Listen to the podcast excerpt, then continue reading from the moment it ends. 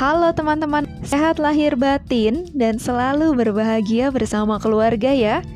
Kita ketemu lagi di cerita Intan dan gak berasa kita udah ada di akhir tahun 2020 ya.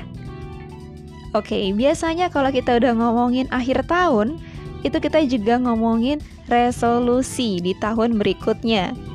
Nah, teman-teman ada yang punya resolusi di tahun 2021 punya kesehatan yang lebih baik, ditambah punya berat badan yang stabil dan ideal? Mau? Pengen? Oke. Okay. Jadi saya di sini mau membahas sedikit tentang perbedaan weight loss dan fat loss. Supaya apa? Supaya nanti teman-teman bisa memilih diet yang seperti apa, diet yang sehat itu yang bagaimana, oke? Okay? Oke, pertama saya bahas sedikit tentang weight loss.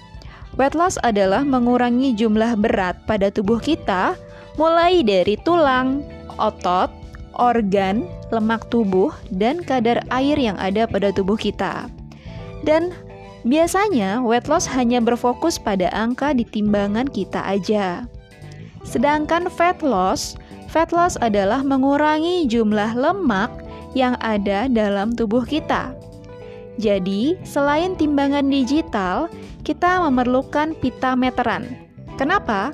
Karena pada saat lemak itu berkurang, itu akan terlihat pada ukuran lingkar-lingkar tubuh kita. Nah, jumlah kadar lemak yang baik pada tubuh kita itu berkisar di 25 sampai 31% dari keseluruhan berat tubuh. Jadi, sebaiknya saat kita mulai diet, dan pastinya kita pengen diet yang sehat ya. Kita fokusnya ke mana? Nah, menurut instruktur olahraga, kita lebih baik berfokus pada fat loss. Kenapa? Nah, di sini saya akan uraikan perbedaannya. Weight loss, weight loss itu yang berkurang ada pada otot, air, dan lemak. Jadi, apa akibatnya? Oke, yang pertama, kebugaran kita menurun. Terus yang kedua, kita jadi kurang berenergi. Dan yang ketiga, otomatis performa tubuh kita jadi buruk. Lalu yang keempat, kekebalan atau daya tahan tubuh kita menurun.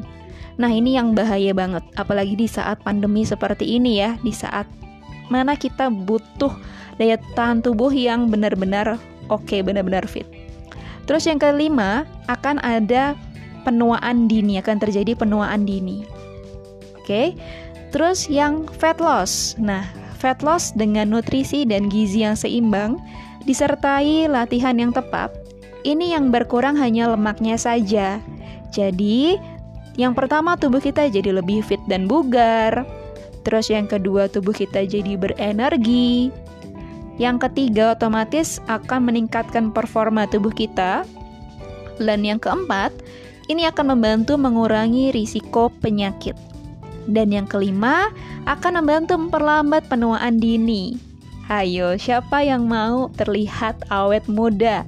Bukan secara fisik aja ya, tapi juga secara metabolisme tubuh kita juga semakin membaik pastinya, oke? Okay?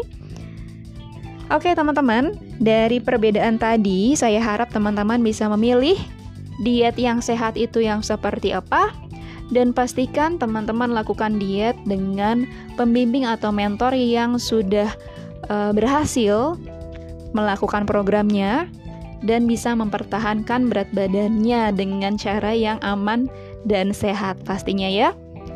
Oke, cukup sekian cerita Intan kali ini. Kita ketemu lagi di cerita Intan selanjutnya. Dan terima kasih. See you. Bye bye.